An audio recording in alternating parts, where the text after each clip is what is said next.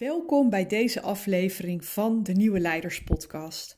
Mijn naam is Petra Kuipers. Ik ben auteur van het Bomenhutgevoel, de gids voor inspirerend projectleiderschap. En in het dagelijks leven houd ik mij bezig met het stimuleren van nieuw leiderschap in organisaties.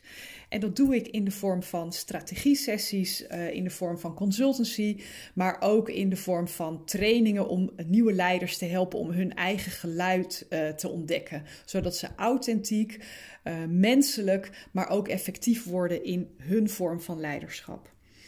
En op het moment dat ik dit opneem, is, is het begin van een nieuw jaar, van 2021. En we zitten uh, nou ja, uh, op dagen die op het eerste gezicht eigenlijk precies lijken op heel veel dagen uit het vorige jaar. Het is bijna een soort ja, Groundhog Day als je die film gezien hebt. Uh, we werken thuis. Veel mensen geven daarbij ook thuisles aan hun kinderen op dit moment en proberen dat te combineren met werk. Reizen zijn geannuleerd en ja, weet je, wat we zagen als normaal, wat het dan ook mogen betekenen, dat lijkt heel ver weg. En we weten dat we hieruit gaan komen. We weten alleen nog niet wanneer. En we weten één ding zeker: het zal er niet meer zo uitzien als uh, dat het eerder was. De geschiedenis heeft ons keer op keer laten zien dat tragische gebeurtenissen, en daar versta ik uh, een pandemie, ja, vang ik daar ook onder, maar ook oorlog en hongersnood en ziekte, dat dat soort tragische gebeurtenissen ons op hele fundamentele en onherroepelijke manieren verandert perspectieven verschuiven, nieuwe overtuigingen en denkwijzen krijgen vorm, uh, gedragingen en gewoonten veranderen. En dat geldt voor mensen, voor ons als individu, maar dat geldt zeker ook voor bedrijven. En we zitten op dit moment in een enorm grote reset en die verloopt behoorlijk snel. Uh, helaas zullen er heel veel bedrijven verloren gaan door de economische gevolgen van de pandemie. Denk maar aan horecabedrijven of, of evenementenbedrijven. En degenen die het overleven, die zullen waarschijnlijk uh, door wat ze nu meemaken in een heel andere vorm voortbestaan.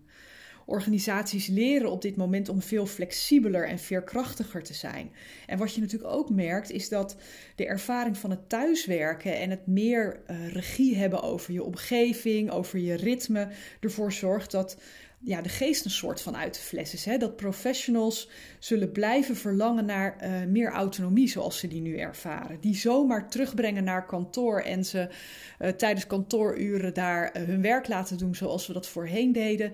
Dat is voorgoed veranderd voor grote groepen mensen. En werknemers uh, verwachten tegelijkertijd van hun leidinggevende dat ze leiding zullen blijven geven met transparantie en authenticiteit en menselijkheid. En ja, ook daar ligt natuurlijk best wel een behoorlijke uitdaging, um, nu we elkaar vooral virtueel tegenkomen. En leiderschap herken je pas echt in dit soort tijden van onzekerheid. En de leiders die op dit moment de toon zetten voor de komende jaren doen een aantal dingen buitengewoon wijs. En dat is ook waar ik je in deze aflevering in wil meenemen. Maar voor ik daar uh, de adviezen uh, over ga delen, uh, wil ik nog aangeven dat het wel belangrijk is om onder ogen te zien dat het nooit een one size fits all kan zijn. Als je kijkt naar de leiderschapsadviezen die je tegenkomt, dan is er vaak niet voldoende oog voor het feit dat verschillende organisaties op dit moment radicaal verschillende realiteiten ervaren. Het maakt nogal uit of je in de zorg werkt of bijvoorbeeld in de evenementenbranche. En er zijn eigenlijk drie ja, modaliteiten, zeg maar, waar je als bedrijf in kan eh, of organisatie in kan bevinden. Heel veel bedrijven beginnen, bevinden zich op dit moment in een totale overlevingsmodus. Ze vechten om een faillissement te voorkomen. Want je merkt dat reisbeperkingen, quarantaines, dat dat medewerkers buitenspel zet. Uh, ze verstoren toeleveringsketens, ze ontwrichten hele industrieën zoals de horeca en de evenementenbranche. Maar ook heel veel andere branches waar we niet eens zoveel over horen. Waardoor ontslagen en reddingspakketten eigenlijk wanhopige laatste redmiddelen zijn waar ze nu mee bezig zijn. Een tweede verschijningsvorm die je veel ziet is uh, organisaties die in aanpassingsmodus zitten. Dat zijn organisaties die zich razendsnel moeten aanpassen door deze omstandigheden. En natuurlijk zijn ook daar uh, kostenbeperkingen en, en risico, of uh, kostenbeheersing en risicobeperkingen aan de orde van de dag. en noodzakelijke stappen. Maar tegelijkertijd ehm, kijken ze heel erg hoe ze hun bedrijfsmodellen en klantervaringen zo kunnen aanpassen dat ze de continuïteit kunnen waarborgen. Dus dingen aan huis gaan bezorgen, uh, misschien een standje buiten inrichten. Dat soort bewegingen zie je nu ook veel ontstaan. En de laatste modaliteit die je tegenkomt, dat zijn bedrijven die zich bevinden in de kansmodus. die, die evolueren eigenlijk om te voorzien in een onvervulde behoefte die wordt blootgelegd in deze periode. Het zijn de bedrijven die kijken naar een uh, veranderende wereld en die zien nieuwe manieren waarop ze van dienst kunnen zijn of waarde kunnen toevoegen. En ze uh, transformeren dan hun bedrijfsmodel om die onverwachte kansen te gaan benutten. En wat je merkt, hè, er is een stortvloed aan, aan leiderschapsadviezen over virtuele bijeenkomsten en hoe je daar je leiderschap in kan betrachten. Maar daar heb je natuurlijk helemaal niks aan als jij bijvoorbeeld een plaatselijke boekhandel runt of iets anders wat uh, nou ja, echt fysieke uh, uh, consequenties heeft. Hè. Je zal maar een luchtvaartmaatschappij hebben op dit moment. Dan sta je in survival modus en dan gaat leiderschap in virtuele bijeenkomsten gaat je niet helpen. Ehm, maar een, een ander voorbeeld, uh, de aanbevelingen om te bezuinigen op innovatie en je opnieuw te concentreren op, op de kern van je organisatie, die heeft niet zoveel zin als je op, als bedrijf nu keihard gepivot hebt en je bijvoorbeeld even helemaal in de kansmodus bevindt en beschermende kleding aan het maken bent. Kortom, sommige adviezen die ik hier ga delen, die zullen relevanter voor je zijn dan andere. En dat heeft heel erg te maken met de context waarin je zit, maar ook de modus waarin je je op dit moment bevindt. En de meeste leiders hebben al lang een draaiboek ontwikkeld voor de urgentie, de tactische kant van hun uh, crisisrespons. Hè. Het beschermen van je werknemers, uh, een responsteam opzetten, de, uh, de, economische impact proberen zoveel mogelijk te beïnvloeden en dat soort dingen. Maar wat over het hoofd wordt gezien, en dat is waar we het nu over gaan hebben, is wat je nu kunt doen om ervoor te zorgen dat het nieuwe normaal een beter normaal wordt. En dat gebeurt eigenlijk op vier niveaus en daar ga ik je één voor één uh, mee doorheen nemen. De eerste is het niveau jij. hoe kan je je nou voorbereiden om goed je team, je omgeving door de crisis heen te leiden? Het tweede is op het niveau van jouw team. Hoe kun je je collega's ondersteunen en begeleiden onder deze omstandigheden? Het derde is je organisatie. Hoe kun je je nu als bedrijf of organisatie heroriënteren en de juiste acties ondernemen op voor de lange termijn? En de laatste is jouw gemeenschap. Hoe kun je nu zorgen dat je uh, uh, positieve impact kunt maken op de wereld, waar we met z'n allen nu zo ongelooflijk veel behoefte uh, aan ervaren. En je focus zal niet gelijk verdeeld zijn over deze vier gebieden. Op elk moment moet je je misschien juist uitsluitend op één gebied concentreren. En dat is ook helemaal niet erg. Dat is ook de bedoeling. Maar je vermogen uh, om door deze crisis heen te laveren. Uh, die vraagt van je dat je uiteindelijk wel aan alle vier deze aspecten wat aandacht besteedt. Dus daarom wil ik er ook even één voor één bij stilstaan. En ik noemde hem al, de eerste, uh, ja, dat ben jij zelf. Leiderschap gaat namelijk altijd over de zorg voor anderen en dat kan je alleen maar goed doen als je eerst goed voor jezelf zorgt. En dat kan heel erg frustrerend klinken uh, als je op dit moment, uh, weet ik veel, 16-urige dagen uh, maakt, terwijl je ook nog je kinderen les moet geven, de emotionele belasting van je familie en je team bij je draagt. Maar daar komt weer die aloude spreuk uit het vliegtuig: zet eerst je eigen zuurstofmasker op voordat je anderen helpt. Je kan je niet uh, waardevol maken als jij naar adem snakkend op de grond ligt. Dus het is echt belangrijk om dat heel serieus te nemen en goed te luisteren naar wat jij op dit moment nodig hebt om uh, uh, je rol te kunnen blijven vervolgen. Ehm, te, vervullen. Het schijnt dat Abraham Lincoln tijdens het hoogtepunt van de Amerikaanse burgeroorlog meer dan 100 theatervoorstellingen bijwoonde om op te laden en om zijn angst onder controle te houden. En dat is goed om je in de oren te knopen, want het is natuurlijk niet de minste. En wat hij al heel goed begreep en wat wij ons ter harte kunnen nemen, is uh, het belang van uh, Waar haal je je energie, je inspiratie vandaan en hoe zorg je dat je met je eigen emoties kan omgaan? Je energie is niet oneindig en alleen maar doorzetten en alleen maar bij elkaar houden, dat zal niet genoeg zijn om de intensiteit van de weken en misschien zelfs wel maanden die voor je liggen goed door te komen. Dus wat je nu kunt doen, is eigenlijk altijd beginnen met het erkennen van je eigen angst of je eigen boosheid of je eigen verdriet.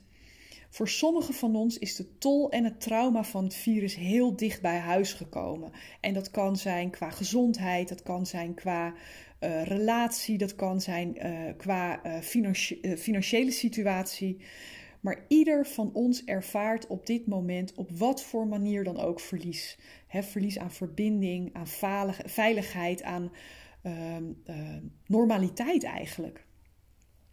En experts in rouw die vertellen ons altijd hoe belangrijk het is om stil te staan en je ook over te geven aan wat er gebeurt. Want het enige alternatief daarvoor wat je hebt is het onderdrukken en het ontkennen. Maar eigenlijk maak je het jezelf daarmee onmogelijk om effectief te zijn in deze omstandigheden. Als je echt een deksel erop drukt en niet bij jezelf erkent wat het met jou doet, dan ehm, ja, raak je steeds meer vervuild, om het maar even zo te noemen. Gevoelens willen gevoeld worden. En die, dat is ook echt nodig om de boel vervolgens weer te laten stromen, zodat jij uh, je rol als leider kan vervullen. Dus gun jezelf daarom om daar aandacht aan te besteden en te voelen wat er te voelen is. Het tweede wat je nu kunt doen, is jezelf gaan vernieuwen.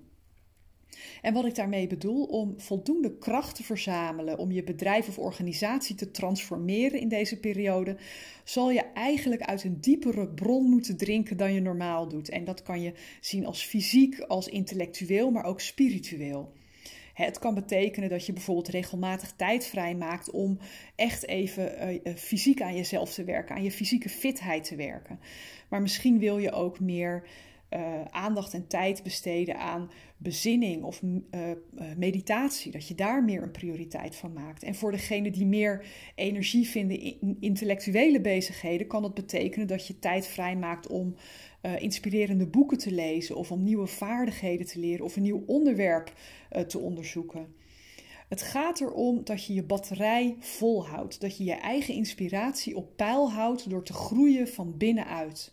Want dat is ook een vorm van het zuurstofmasker opzetten, waarmee je je batterij volhoudt om dit, uh, nou ja, deze marathon die het blijkt te zijn, langer vol te houden. Het uh, tweede aspect wat ik al aankaartte, waar je nu mee uh, kan zorgen dat we in een beter normaal terugkomen, is je team. Dit is namelijk niet alleen een economische en operationele crisis, het is een menselijke crisis. En van leiders wordt gevraagd daarnaar te handelen. En je doet ongetwijfeld alles wat binnen je mogelijkheden ligt om aan de financiële en medische en logistieke behoeften van je medewerkers te voldoen. je zorgt dat het veilig blijft, dat ze de middelen hebben om vanuit huis te werken, noem maar op. Um, nou ja, als we even uh, de goede oude Maslow erbij pakken, dan besef je misschien dat op het moment dat uh, de fysiologie en de fysieke veiligheid op orde is, dat andere um, emotionele behoeften, hè, behoefte aan, aan verbinding, aan vertrouwen, aan respect, eigenlijk alleen nog maar intenser wordt. Die basisbehoeften die zijn geregeld en daarmee komt er meer aandacht voor die emotionele behoeften. En als leider ben je waarschijnlijk zelf ook een student van menselijk gedrag en emotionele intelligentie is belangrijker dan ooit tevoren. Dus zoek naar manieren om meer ruimte te creëren voor de menselijkheid binnen je organisatie en om je cultuur te versterken. Dat is niet alleen maar tijdens deze crisis, maar dat maakt je ook sterker voor daarna. En dat klinkt natuurlijk allemaal heel mooi, maar wat kun je op dit moment doen?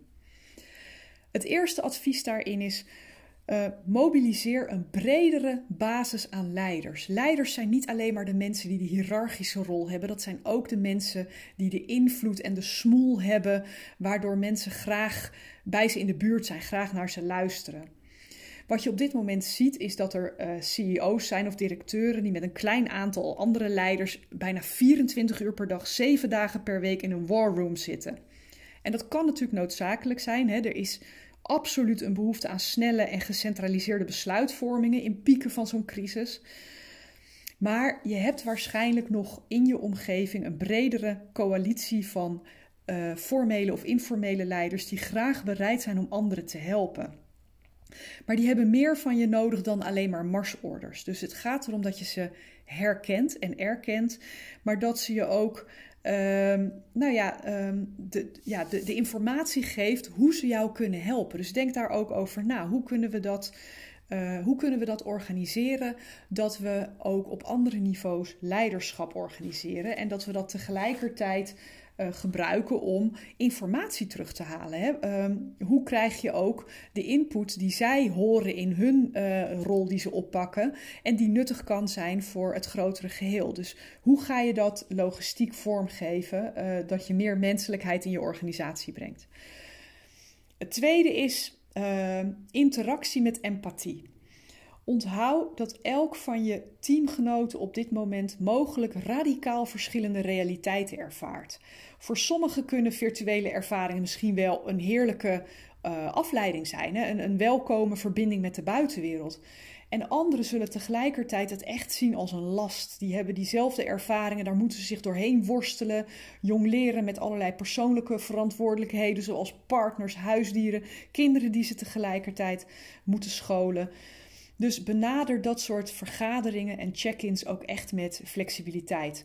Um, gebruik ook één op één gesprekken om um, uh, inhoud te behandelen, maar ook om verbinding te maken. Hè? En creëer ook andere mogelijkheden uh, om uh, interpersoonlijke connectie te houden. Ik zeg wel vaker van, als het enigszins mogelijk is, denk eens aan een collegiale wandeling. Uh, heb gewoon een keer een telefoongesprek. Uh, stuur iemand een keer een uh, een, een voicebericht in plaats van dat je meteen belt, zodat ze het op hun eigen moment kunnen openen en daarop kunnen reageren als het uitkomt in de hectiek van alle dag. Het vraagt van je dat je optimistisch blijft, maar ook realistisch wanneer je met anderen communiceert. En probeer in dat kader ook vooral te experimenteren met nieuwe rituelen. Hè, die ruimte maken voor reflectie en leren. Dus probeer niet je oude eh, eh, face-to-face realiteit één op één te vertalen naar een virtuele realiteit. Maar kijk wat er ook kan werken. En benut daarbij ook de, de asynchrone mogelijkheden die we op dit moment hebben om met elkaar in contact te zijn. Het hoeft niet altijd live en één op één. Um, een afwisseling kan nu een heel nuttig experiment zijn om mee aan de slag te gaan. Derde element uh, onder het kopje team is versterk je cultuur. Onze oude manieren van werken, daar kunnen we lang en kort over praten, maar die zijn verdwenen. Maar nieuwe manieren van werken zijn er eigenlijk nog niet echt. En terwijl mensen uh, toch wel worstelen met een radicaal veranderende wereld, proberen ze zelf ook um, uh, ja, verschillende mentale modellen uit. Hè. Ze ontdekken nieuwe overtuigingen, ze testen nieuwe praktijken. Iedereen is daar op zijn eigen plek mee bezig. We staan allemaal in de experimenteermodus. En dat maakt dit ook een ideaal moment om uh, gedrag te definiëren dat niet alleen je organisatie door de crisis zal stuwen, maar dat ook de cultuur na de crisis een boost kan geven. Dus probeer ook dat momentum te pakken om met elkaar die cultuur een, een, een positieve impuls te geven met alles wat we nu weten, wat we nu ervaren hebben en uh, waar we nu uh, vlieguren mee aan het maken zijn. De derde factor uh, waarmee je het nieuwe normaal kunt beïnvloeden is natuurlijk je bedrijf of je organisatie. Deze crisis creëert ook een kans om de dingen die er echt toe doen opnieuw te prioriteren. Uh, door de lens van deze crisis worden we er eigenlijk aan herinnerd waarom onze organisaties echt bestaan en wat onze echte prioriteiten zouden moeten zijn. En wat je daar als leider mee kan doen, is jouw perspectief uitleggen en daarmee zeg ik niet dat je een formeel standpunt over uh, de coronacrisis moet publiceren voor je organisatie. Maar het is wel een moment om um, gewoon heel open te communiceren over wat jij ziet gebeuren vanuit jouw unieke standpunt. Wat zie je gebeuren met het, met het bedrijf of de organisatie? Welke kant zijn jullie op aan het ontwikkelen? Wat is volgens jou belangrijk in de komende weken en maanden? Wat ben je van plan te gaan doen in de komende weken en maanden? Dit kan echt een kans zijn om het doel en de waarde en de agenda van jouw bedrijf of organisatie te herbevestigen of zelfs opnieuw te uh, beoordelen. Het tweede in dit kader is beslis met intentie. Er is namelijk niet echt een, een COVID-handboek voor bedrijven. En uh, traditionele concepten voor crisismanagement blijken hier niet supergoed van toepassing te zijn, aangezien elk individu, elke organisatie, elk bedrijf, maar ook elk land deze ramp tegelijkertijd doormaakt. Je moet dus uh, de regels bedenken gaandeweg terwijl je bezig bent, terwijl het loket vaak uh, gewoon open is. Uh, de verantwoordelijkheid moet je meteen verdelen. Je moet heel snel handelen. En dat kan uiteraard leiden tot overhaaste beslissingen, die op dat moment juist lijken, maar die uiteindelijk ook je waarde in gevaar kunnen brengen. En om dat te voorkomen kun je bijvoorbeeld checklists maken uh, die je teams helpen om snelle en gedecentraliseerde beslissingen te nemen op basis van je doel, je waarden en je strategische prioriteiten die je het meest dierbaar zijn. Zo help je ze om wel snel te schakelen, maar het even tegen een soort ja, morele lat aan te leggen van is dit nog in overeenstemming met wie wij zijn en waartoe wij op aarde zijn als uh, organisatie. Een derde uh, uh, advies daarbij is: je kunt nieuwe waarden creëren. Uh, en om het voor de hand liggende nog maar even te benadrukken: het leven van je, van je klanten, van je omgeving is veranderd, evenals hun behoeften. En dat spoort bedrijven en organisaties aan om met een heel nieuw gevoel van urgentie te innoveren, maar tegelijkertijd ook te kijken waar kunnen we nu onnodige bureaucratie uit het proces halen. En je hebt misschien niet de middelen om allerlei levensreddende medische apparatuur of beschermende uitrusting te maken. Maar je kan je best laten inspireren door bedrijven uh, die het makkelijker maken om veilig te blijven, hè, die uh, om verbonden te blijven, om vanuit huis te werken. Wat zitten daar voor aanknopingspunten voor jouw organisatie in? Ontwerp met andere woorden nieuwe aanbiedingen, nieuwe diensten, nieuwe ervaringen die onmiddellijk waarde kunnen creëren voor je klanten en die tegelijkertijd aangeven wat voor waarde je na de crisis kunt blijven leveren. Het is ook een krachtig visitekaartje wat je kunt afgeven in deze periode. Tot slot, het laatste element voor het nieuwe normaal waarmee je nu al aan de slag kan, is je gemeenschap. Dit is een beslissend moment dat zal bepalen of je doelgericht bent of alleen maar uh, doelbewust was. Met andere woorden, uh, uh, het is een goede tijd om de verschuiving te maken naar het aandeel, aandeelhoudersdenken, naar stakeholdersdenken. Om te kijken hoe kunnen we het grotere geheel dienen? Hoe kunnen we een grotere rol spelen in het dienen van anderen? Je merkt dat er heel veel initiatieven aan het ontstaan zijn die daarop voortborduren. En het is ook iets heel menselijks om positief verschil te willen maken. En als deze tijd ons iets leert, is dat winst natuurlijk voor bedrijven hartstikke belangrijk is. Maar minstens zo belangrijk is de menselijkheid hoog houden. De menselijkheid prioriteit geven in hoe we werken en hoe we met elkaar omgaan. En wat je nu kunt doen, is bijvoorbeeld zorgen voor de gemeenschap we worden omringd door voorbeelden van bedrijven die actie nemen om de buitengewone uitdagingen van deze crisis toch het hoofd te bieden. Sommigen leveren eh, financiële bijdragen om te helpen en dat is natuurlijk belangrijk. Maar we worden ook heel erg geïnspireerd door bedrijven die juist hun unieke sterke punten gebruiken om onmiddellijk impact te creëren. Uh, Nike heeft bijvoorbeeld een grote campagne opgezet om mensen te overtuigen om thuis te blijven. Uh, Airbnb uh, maakt in, in uh, veel landen op dit moment gebruik van zijn vastgoedvoorraad om huisvesting te bieden aan medisch personeel.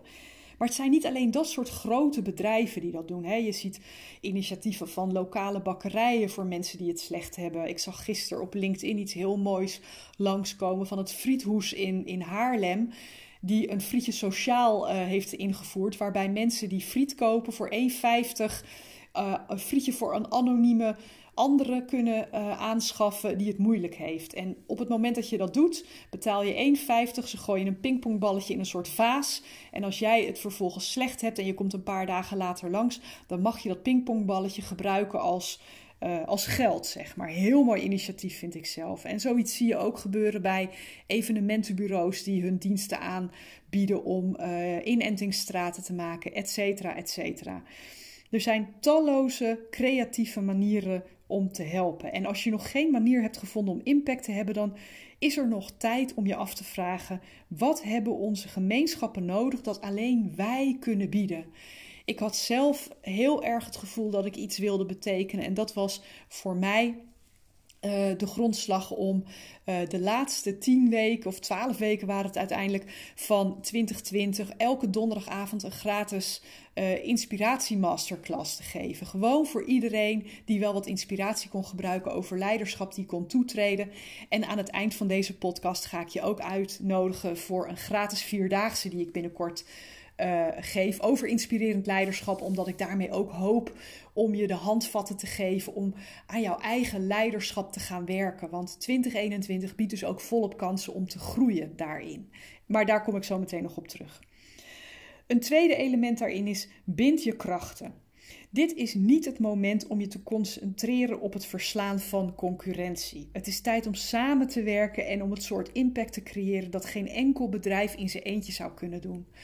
En recent zijn er een paar hele mooie voorbeelden geweest wat mij betreft. Uh, de Burger King die in een reclame heel met echt met grote koeienletters McDonald's aanbeveelt. En uh, ik zag uh, heel kort geleden zelfs Sunweb die aanbeveelt om reizen te boeken bij allerlei concurrerende reisorganisaties zoals ehm, wat was het Corendon en Kras en TUI en noem het allemaal maar op. Zoek en start nieuwe partnerschappen die je impact vandaag al kunnen versterken en nieuwe grenzen openen voor zinvolle samenwerking later. Dat voegt ongelooflijk veel waarde toe voor je gemeenschap, maar dat kan ook jouw eigen manier van denken en werken duurzaam positief beïnvloeden. Nou ja, nogmaals, je zal niet al deze adviezen in één keer zullen uh, kunnen opvolgen, maar de vragen uh, waarvan ik hoop dat je ze stelt naar aanleiding van mijn verhaal is: zorg je goed voor jezelf? Worden je teams voldoende begeleid? Heeft je organisatie of bedrijf een duidelijke agenda voor de crisis en voor daarna? Doe je alles wat je kunt nu om ook je gemeenschap te, bieden, uh, te dienen? En de antwoorden daarop zullen je vertellen waar je je op dit moment nog wat meer op kan concentreren. Nou, ik kondigde het net al aan. Uh, hoe ik mijn omgeving graag wil dienen, is door een beweging van nieuwe leiders te ontwikkelen, op gang te brengen. En dan heb ik het niet alleen maar voor mensen die leidinggevende zijn, maar ook informele leiders zoals adviseurs, consultants, projectleiders en noem maar op. En om die beweging kracht bij te zetten, organiseer ik vanaf 18 januari een vierdaagse inspirerend leiderschap. Vier ochtenden beginnen we de dag met uh, een inspirerende masterclass. Daar zit zelfs een werkboek bij die je in je eigen tijd kan gaan maken en die je echt helpt om wat je geleerd hebt in de praktijk te brengen. En mocht je daar een keer niet bij kunnen zijn, dan ontvang je altijd een korte samenvatting die je op je eigen moment terug kan kijken, zodat je de dag daarna weer helemaal aangehaakt bent. Het is eigenlijk een volwaardige leiderschapstraining en dan in vier dagen tijd. En ik wil je daar heel graag voor uitnodigen. Je kunt je aanmelden via mijn website www.deimplementatiedokter.nl forward slash vierdaagse streepje inspirerend streepje leiderschap. En natuurlijk zal ik de link ook in de show notes opnemen. En dan zou ik het heel erg leuk vinden als ik je mag verwelkomen op 18 januari. Er zijn hele teams die meedoen. Er zijn mensen die al voor de derde keer meedoen met dit initiatief. Want ik heb hem al een aantal keer vaker gegeven. Alleen dit keer is het weer wat opgefrist met de nieuwste inzichten die deze uh, situatie uh, heeft gebracht. Dus uh, zorg vooral ook dat je het samen doet met collega's, met, met uh, vrienden of bekenden die hier ook iets aan kunnen hebben. Want dat maakt de beweging alleen maar krachtiger en, en interessanter. Tot slot wil ik een heel leuk nieuwtje met je delen. Ik kreeg deze week de update dat deze uh, podcast op dit moment op de 18e plaats staat in de Apple Podcast categorie Management. Dus daar ben ik ongelooflijk blij mee. En ik zou heel erg uh, nou ja, willen vragen aan je, als dit waardevol voor je is, om ook een rating achter te laten in Apple Podcast. En daar eventueel ook een review bij te geven. Want dat helpt mij om nog meer mensen te bereiken met gratis informatie over inspirerend leiderschap. Dus is dit waardevol voor je? Het kost je echt maar een minuutje van je tijd. En je zou mij er ontzettend mee helpen. En daarmee ook heel veel andere mensen die deze informatie zo hard kunnen gebruiken.